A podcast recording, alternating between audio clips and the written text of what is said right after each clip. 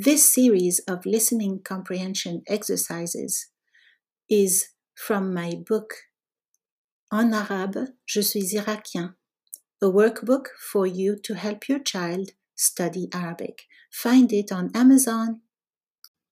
Listen to the Arabic carefully first, try to understand, then listen to the French. Questions are provided for further writing or speaking practice.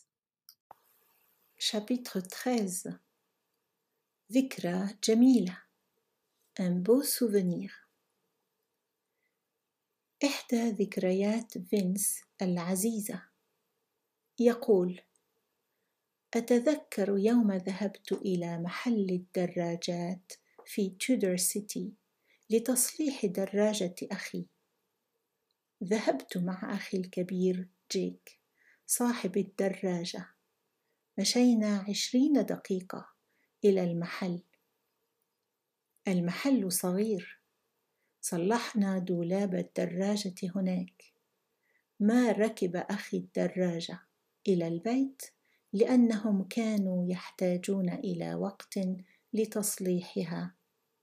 عاد أخي ليجلب الدراجة في المساء.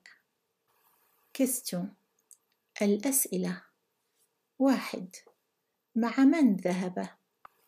Avec qui est-il parti? اثنان إلى أين ذهبا معا؟ Où sont-ils partis ensemble? ثلاثة لماذا؟ Pourquoi? أربعة من صلح الدراجة؟ Qui a réparé la, la bicyclette? خمسة ماذا صلح في الدراجة؟ Qu'est-ce qui a été réparé dans la bicyclette؟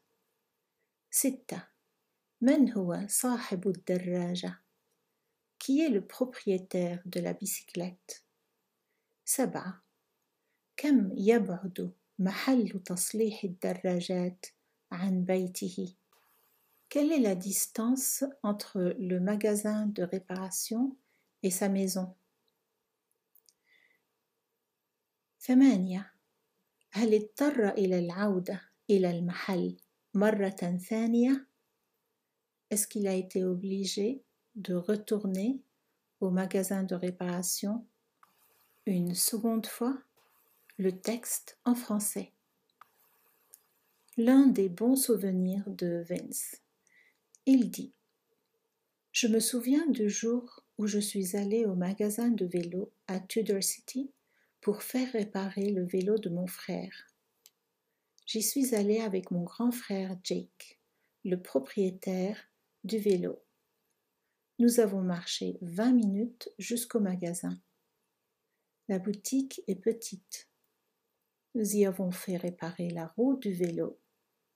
Mon frère n'est pas rentré chez lui à vélo parce qu'ils avaient besoin de temps pour le réparer.